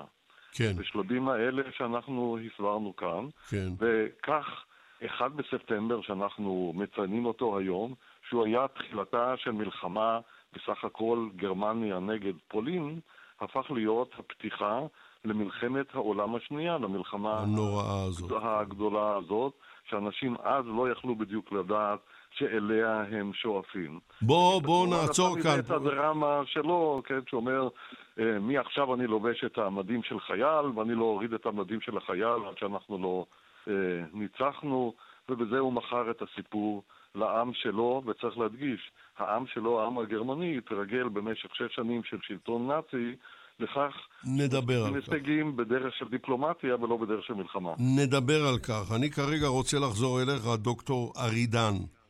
אתה עדיין איתנו. מכל הדברים האלה, מהו טיב היחסים בין בריטניה לבין צרפת? הלו למינכן ב-38, נבל צ'מברלין לא מגיע לבדו, הוא מגיע עם דלדייר, ראש ממשלת uh, צרפת. זה לא יודע צרפתית, זה לא יודע גרמנית, זה לא יודע אנגלית, אבל ישנו מוסוליני, ששולט בכל השפות האלה, גרמנית, צרפתית, אנגלית, ושולט מצוין, והוא המתורגמן. מה, מה טיב היחסים בין בריטניה לבין צרפת באותו השלב? אני אענה על זה um, בתוך כמה שניות, אבל רציתי לציין נקודה מאוד חשובה. בבקשה. נכון, הבריטים נתנו התחייבות לפולין, אבל תשימו לב שברית המועצות פלשה לפולין ב-17 בספטמבר 39, הבריטים לא הכריזו מלחמה על הסובייטים. זאת אומרת כאן, הם רק הכריזו מלחמה על גרמניה בפלישה של פולין, ולא הכריזה מלחמה um, על ברית המועצות, שגם כן uh, פלשה. אבל ו... הטענה, הם לא הכריזו כן. מלחמה, כי הטענה של סטלין הייתה mm-hmm. שהוא פולש לפולניה כדי להציל אותה מיד גרמניה. זה באמת יכול להיות להגיד מה שהוא רוצה להגיד, אבל אני רק אומר שזה, הבריטים הבינו, לפי המסמכים בארכיונים, הם הבינו מה התרחש. אבל לענות על השאלה, אה, דלדיאר, אה, פשוט שהוא הצטרף, מה שמעניין מאוד, שבפסגה, אם אני לא טועה, בין 28 ל-29 באפריל, שמבלין לחץ על דלדיאר, שבעצם לבטל את ההסכם עם, צ'ק, עם הצ'כים, um, שבעצם um, הם רצו, שהם לא רצו להיכנס למלחמה uh, בתוצאה הזו. וגם זה, דלדיאר באמת הבין מה המטרות של היטלר, יותר מצ'יימבלין, ובכל הסיפור כאן, um, הצרפתים הבינו שהם לא יכולו להילחם uh, מלחמה נגד גרמניה, אה, ללא בריטניה אה, בצדה, ודלדיאר בעצם היו יחסים מאוד מאוד מורכבים, מאוד מאוד אה, בעייתיים ביניהם, ובסוף של דבר, כמו צ'יימבלין, הוא הלך הביתה זמן לא, לא מקוצר מתחילת המלחמה. כן, כן. בואו נעבור אלייך, דוקטור פרייליך. עכשיו נעסוק ביהודים. כן. ואני כן. רוצה, לפני שנעבור, כי רציתי לשאול אותך שאלה מאוד מעניינת על, על התקופה בפולניה שעד לתוכנית ההשמדה, אבל את רוצה להתחיל לדבר על מצוקתם של יהודי פולין מי, אה, מי, בשנים 35 עד פרוץ המלחמה, כן. 39. כן, בואי אמרי לנו כמה משפטים בעניין הזה. כן, זה חשוב אה, כדי להבין את, אה, את מרקם היחסים בין יהודים ופולנים לאחר פרוץ המלחמה. פולין, אני נזהרת קצת, אבל אפשר להגדיר אותה באותה תקופה כמדינה אנטישמית. אחרי 35 קמה ממשלת אוזון, ממשלה ש... שמה לה למטרה, אמנם לא כמטרה עיקרית, אבל אה, לפגוע ביהודים אה, מבחינה כלכלית. אה, הכוונה הייתה להוציא או לנטרל את היהודים מהכלכלה הפולנית, למנוע מהם מקומות עבודה ציבוריים, והמצב הכלכלי של היהודים עד 39 הלך והידרדר. בנוסף לכך, אה, סטודנטים פולני, אה, יהודים למשל, באוניברסיטאות, אה, היה מה שנקרא ספסלי הגטו, שיהודים לא הורשו לשבת יחד עם עמיתיהם הפולנים.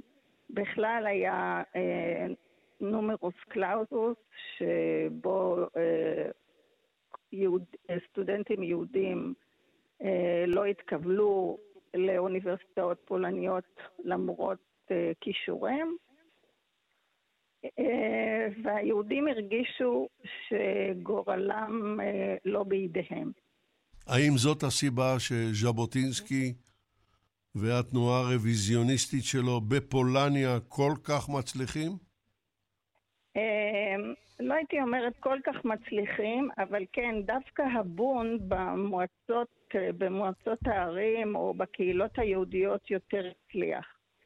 אה, הבון. אבל, אבל, אבל ז'בוטינסקי מצליח בפולניה הרבה יותר מאשר במקומות אחרים בעולם. אה, זה נכון. היהודי. זה נכון, הוא יש שם גם... קצת יותר יהודים. נכון, כן, נכון, גם- ודאי, ודאי, ודאי, עם ריכוז יהודי עצום. כן, אה, והוא גם... יש, הוא יש גם פה, אני חושב... רגע, רגע, פרופסור צימרמן, אתה רוצה להעיר? בבקשה, בוא אני נשמע. רוצה רק להעיר דבר אחד. אני חושש מאוד שאנחנו עולים על מסלול שהוא מסוכן, שבסופו של דבר אפשר יהיה להגיע למסקנה, אה, הפולנים הם היו אנטישמים, איזה מזל שנכנסו הגרמנים ב-1939 להושיע את היהודים. היו גם יהודים שחשבו ככה, יהודים אה. שזכרו את מלחמת העולם הראשונה ואמרו, יותר טוב שהגרמנים יהיו פה מאשר הפולנים, אבל צריך אה, לעשות פה סדר ברור. הגרמנים הביאו מדיניות אנטישמית מרמה אחרת לגמרי, אם מדובר ביהודים, והגרמנים הביאו אותה מדיניות אנטי-פולנית מסוג שלא היה קודם. הרי הגרמנים החליטו כן, נכון. להרוס את העם נכון. הפולני ובתוכו את העם היהודי, כך שאנחנו לא צריכים אה, להסיח, להסיח או להסיט את אה, תשומת הלב ממטרות המלחמה של זה, הגרמנים. זה נכון, אבל זה עדיין לא. הופך את מרבית הפולנים לחסידים או צדיקים אנחנו כנפיים. נמצאים במלחמת העולם השנייה ואנחנו צריכים להיות על הצד של הפולנים שהם הותקפו ולא על הצד של הגרמנים שהיו המתקיפים. טוב, אנחנו משתדלים להיות על צד האמת. אה, אה, צד האמת אה, אומר שהפלישה של גרמניה לפולין היא רמה אחרת לגמרי, זה קביצה, קפיצת מדרגה שממנה אנחנו צריכים לצאת. נכון ברור. שיש אנטישמיות ברומניה, בפולין, במקומות אחרים, אבל הקפיצה עם הפלישה הגרמנית לתוך אה, ללא- פולין ללא היא ספק. אחרת לגמרי, גם על חשבון בוא- בוא- הפולנים וגם על חשבון כן. היהודים. בואו ניתן עכשיו לדוקטור אה, פרייליך לה- לה- להשלים את דבריה. אם יורשה. לי, אז אה, אני הזכרתי את מערכת היחסים המורכבת בין יהודים ופולנים, להראות שב-39, כשמגיע הנורא מכל, אם אפשר לומר ככה, היהודים אכן. היו מ- מלכתחילה בנ- בנקודת התחלה מאוד בעייתית. זו הייתה המטרה. ו... אמ, וזה גם קצת הקרין על אה, מערכת היחסים בין יהודים ופולנים במהלך המלחמה. אז עכשיו בואי, בואי, אני רוצה לעבור לשאלה הבאה, דוקטור פרייליך. המלחמה פורצת ב-1 בספטמבר 39. כן. השמדת יהודי אירופה, ההשמדה השיטתית, שלה קראו בשם הקוד Die Endlesung der Judenfrage, מתחילה רק עם הפלישה הגרמנית לברית המועצות ב-22 ביוני 41. מה עובר על יהודי פולניה בין פרוץ המלחמה לבין תחילת ההשמדה השיטתית? אוקיי, אז קודם כל, אמ, כבר מימי הכיבוש הראשונים מוטלים על היהודים גזירות מפלות. הם לא יכולים לקבל מזון במרכזי החלוקה, כן? זו הייתה מלחמה, אנשים קיבלו אוכל דרך מרכזי חלוקה. התחילה מסכת של התעללויות ביהודים, יהודים נחטבים ברחובות ולפעמים מעונים באופן ברוטלי, יש הרבה צילומים, כן, שמראים איך אה, חיילים גרמנים תופסים אה, יהודים אה, מסורתיים ודתיים וגוזזים את אה, זקקה- זקנם. הם אה, צריכים לנקות מדרכות, אסור להם להסתובב בפארקים ציבוריים, וכמובן הטלאי ועליו סמל מגן דוד. הטלאי הצהוב, כן. הטלאי. הצהוב, כן. איך, טלאי לבן, כן, טלאי לבן עם סמל מגן דוד. עכשיו, איך אה, מיד עם, ה, עם כניסתם, הם בעצם, אה, יש מה שנקרא איגרת הבזק, זה איגרת שמוציא היידריך, אה, ראש שירותי הביטחון, והוא בעצם נותן הוראות מדויקות מה לעשות עם היהודים. כן? הכוונה הייתה לאסוף אותם, אה, לרכז אותם בערים הגדולות, לרוקן את העיירות והכפרים, ומשם, אה, ואז יוחלט מה לעשות. הוזכרה שם, הוזכר שם מונח בשם המטרה הסופית. אה, המומחים לא חושבים שמדובר אז בתחילת ספטמבר על הפתרון הסופי, אבל כן הם, הייתה להם איזושהי מחשבה על מה לעשות עם היהודים, עם האוכלוסייה היהודית, בשלב יותר מתקדם. כרגע המטרה היא לרכז אותם, לבודד אותם ולהשפיל אותם. דבר נוסף, ש... וחלק מה... מהתהליך היה גם הקמת אה, מועצות יהודיות בערים הגדולות, שזה היודנראט, אה, ובהתחלה אה, באמת מונו ליודנראט אנשים בעלי עמדה בקהילה, אבל בהדרגה, כיוון שאנשים הבינו שהגרמנים, המדיניות שלהם מאוד נוקשה וקשוחה, התחילו לנסות להימלט ממקומות משוביהם. למשל, אנחנו יודעים, הדמות הכי אה, בולטת זה היה מנחם בגין, כן? שהוא היה אה, נציב בית"ר בפולין, והוא חשש מאוד ממה יעשו הגרמנים עם, אה, איתו, והוא ועוד קבוצה של בית"רים בעצם עוזבים את, את ורשה ומגיעים בסופו של דבר לווילנה. שהייתה אז בשליטת ברית המועצות. אה, גם למשל ראש הקהילה היהודית של אה, ורשה, מאוריטיב מייזל, גם הוא בעצם אה, מחליט לעזוב, לברוח, וכך למעשה נשארים תושבי ורשה ותושבים במקומות אחרים ללא הנהגה. ואז קמה ההנהגה החלופית. טוב, אנחנו נדבר על ההנהגה החלופית, אבל אני בשלב זה רוצה לחזור אליך, דוקטור נתן ארידן. כן. הקרן אור יחידה באותם ימים איומים ונוראים היא עלייתו של צ'רצ'יל לשלטון, וידוע הסיפור שכשהוא עלה לשלטון, התמנה לראש הממשלה בסופו של דבר, עבר מברק בין שלוש מילים בכל הצי הענקי של בריטניה בעולם, וינסטון is back. וינסטון חזר והמורל עלה פלאים. מה אנחנו יודעים על עלייתו של צ'רצ'יל? דוקטור כן, ארידן. אני אשמח לענות על זה, וחשוב מאוד להזכיר למאזינים, בנושא של הפייסנות, שאני לא כמובן חסיד או מצדיק, צריכים לקחת בחשבון שיותר משני מיליון בריטים נהרגו או נפצעו במלחמת עולם הראשונה. לא היה רק עניין שבתוך הממשלה התנגדו לחימוש בצבא, גם באופוזיציה. חשוב להבין שנכון אפשר לומר, ללא כל ספק, שצ'יינבלין היה נאיבי, אבל לא היה לו רוב בכלל עד מינכן, או קצת לפני, שבעצם להביא את, את התקציב בתוך בית הנבחרים. בריטניה לא הייתה מוכנה למלחמה, וגם דעת הקהל אני אומר שזה חס וחלילה אותו דבר, אבל אה, ידוע, למרות שקוסצ'וף נתן מתנה אה, לאוקראינים את הקרים ב-54, אבל עצם עובדה שרוסיה בעצם הצליחה לספח את קרים אה, ללא שום מלחמה אה, לאחרונה. זאת אומרת, להבין את, את צ'יימברלין, הוא ייצג את רוב מוחלט של אה, דת הקהל. בנושא של צ'רצ'יל, צ'רצ'יל בעצם עד 1940 היה כישלון כמעט בכל תפקיד שהוא ניהל, אם זה הדרדנלים, אם זה בעצם הנושא של הזהב, אם זה כמעט בכל דבר צ'רצ'יל נכשל. אני רק רוצה, אני רק רוצה ברשותך כן. לעזור למאזינים. כן. אה, אחת הסיבות לכישלונו של צ'רצ'יל עד 1940 הייתה שייחסו לו את המפלה הבריטית הנוראה בדרדנלים במלחמת העולם הראשונה, כן, למרות שהוא לא היה אשם. נכון, הוא לא היה אשם, אבל גם כן הוא החליף מפלגות. הוא היה ליברל, קונסרבטיבי וכולי וכולי, ואנשים לא נתנו לאימון. צ'רצ'יל is back.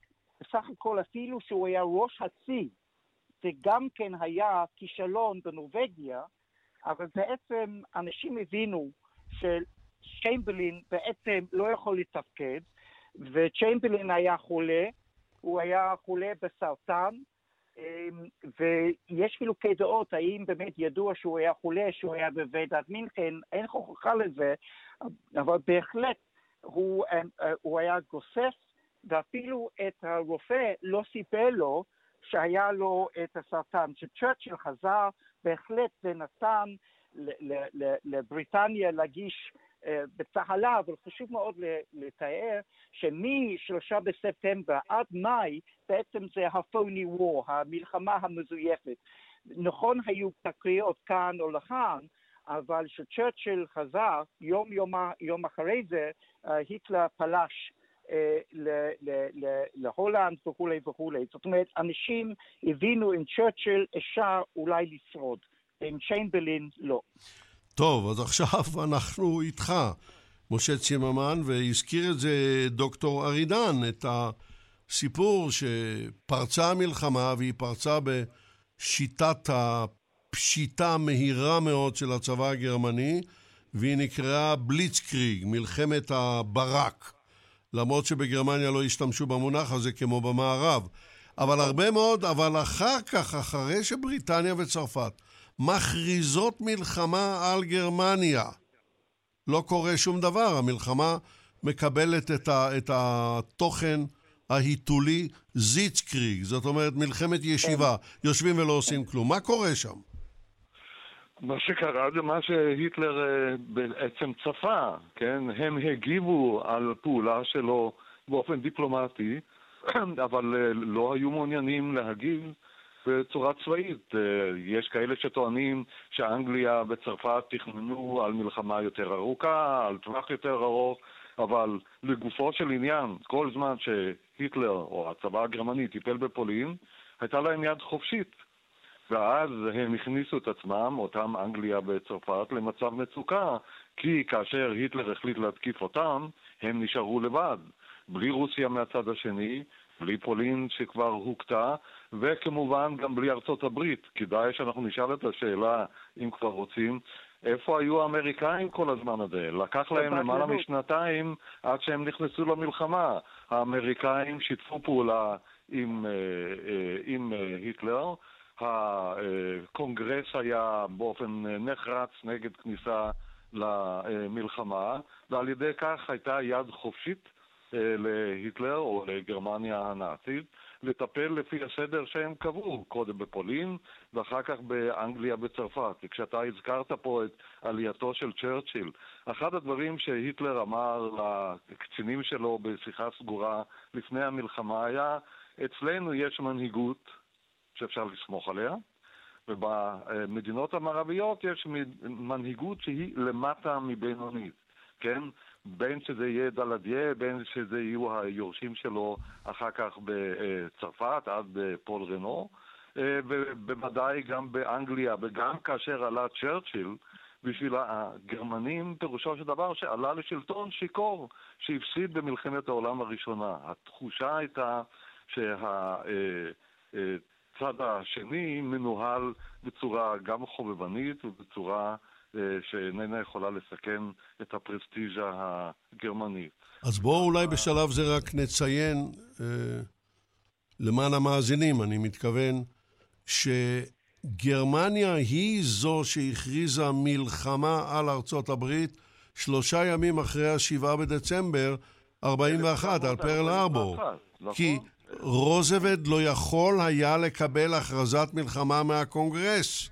כן, כדאי לזכור את זה בימים אה, גם של אה, טראמפ, שהקהל האמריקאי היה אה, לא רק נגד התערבות במלחמה האירופית עוד פעם אחרי מלחמת העולם הראשונה, אלא הייתה בו מגמה חזקה מאוד דווקא של אהדה לגרמנים, ולכן היה צריך את ההתקפה היפנית ואת הכרזת המלחמה הגרמנית כדי שסוף סוף האמריקאים ייכנסו למלחמה ואז הם ייקחו על עצמם את האצטלה של לוחמי החירות כאילו היו כאלה מלכתחילה. דרך אגב... אני, אני מקבל את מה שאתה אומר, פרופסור צימרמן, אבל אני קצת חולק על דעתך בקשר לאהדה הגדולה של האמריקנים לגרמניה. America First Committee של צ'ארלס לינדברג והחברים שלו, אה, לא, לא אהדה כל כך את גרמניה כמו שהיא לא רצתה שארצות הברית תיכנס למלחמה,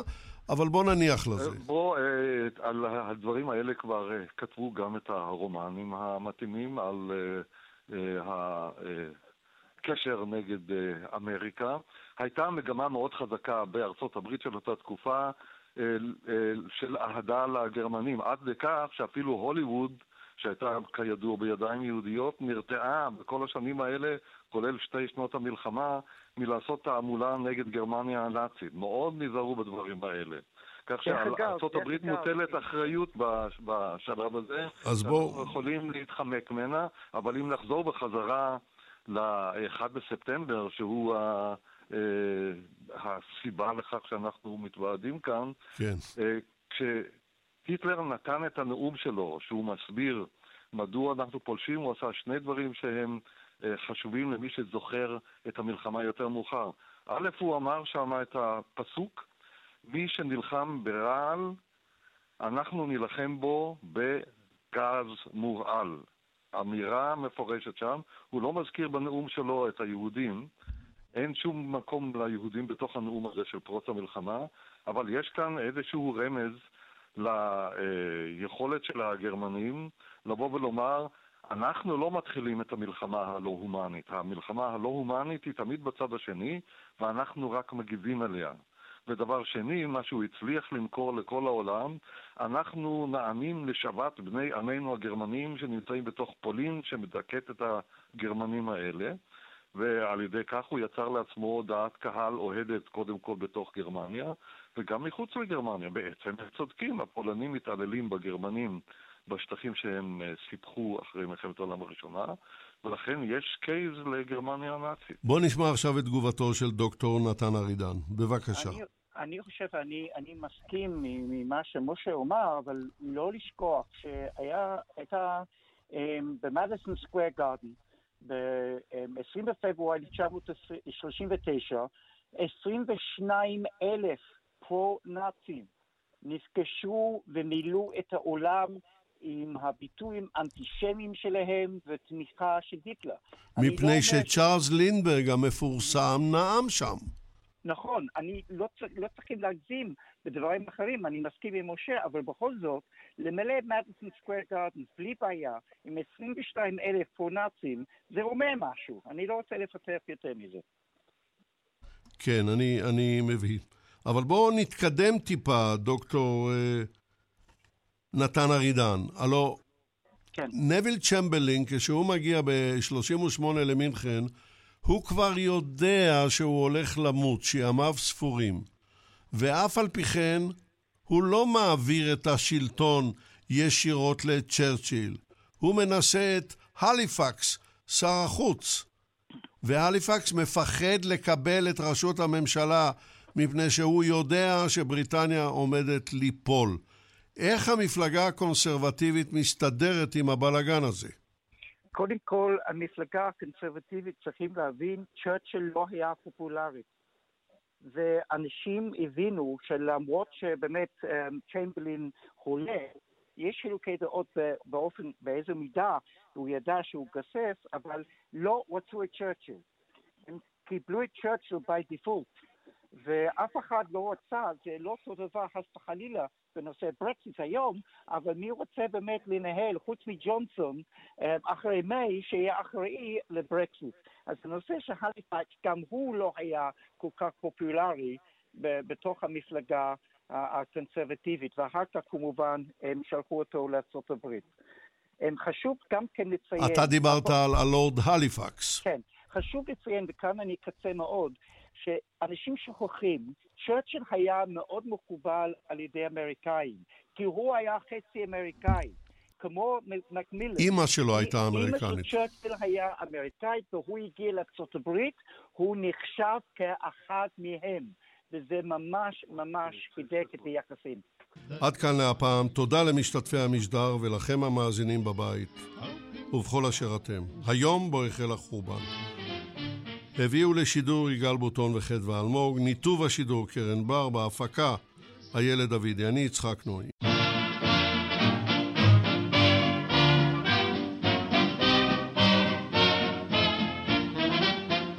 הבאנו בשידור חוזר את התוכנית שבת עולמית עם יצחק נוי.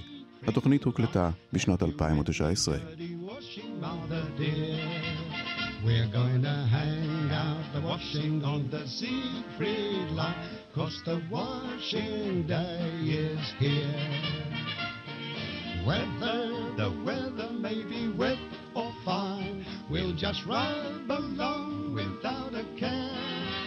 We're gonna hang out the washing on the Siegfried line, if that Siegfried line's still there. Mother dear, I'm writing you from somewhere in France, hoping this finds you well. Sergeant says I'm doing fine, a soldier and a heart. Here's a song that we all sing, this'll make you laugh. We're going to hang out the washing on the Siegfried line. Have you any dirty washing, mother dear? We're going to hang out the washing on the Siegfried line, cause the washing day is here. Whether the weather may be wet or fine, we'll just ride along without a care. We're going to hang out the washing on the Siegfried line, if that Siegfried line's still there.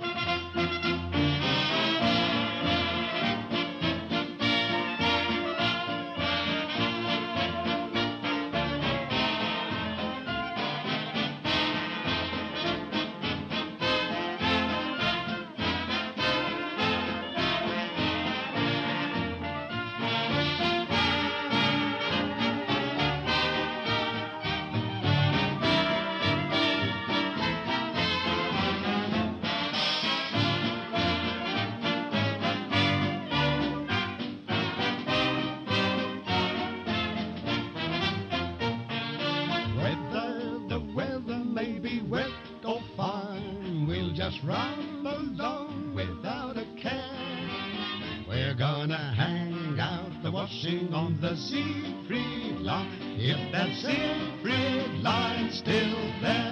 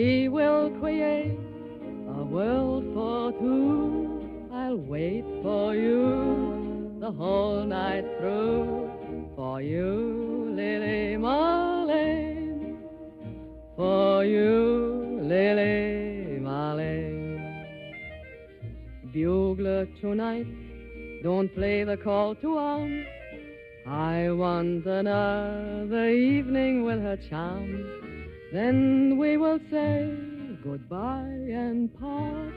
I'll always keep you in my heart with me, Lily Marley.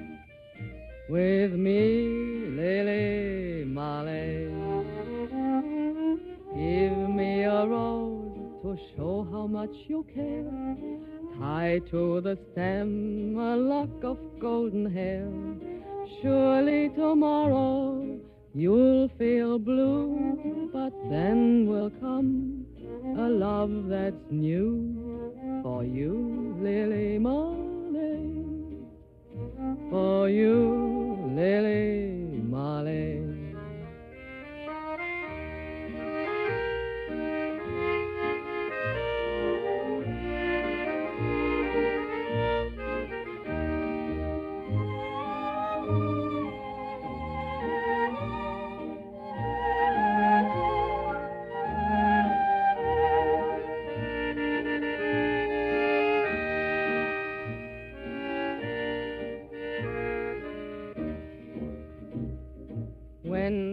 marching in the mud and cold, And when my pack seems more than I can hold, my love for you in you's my might.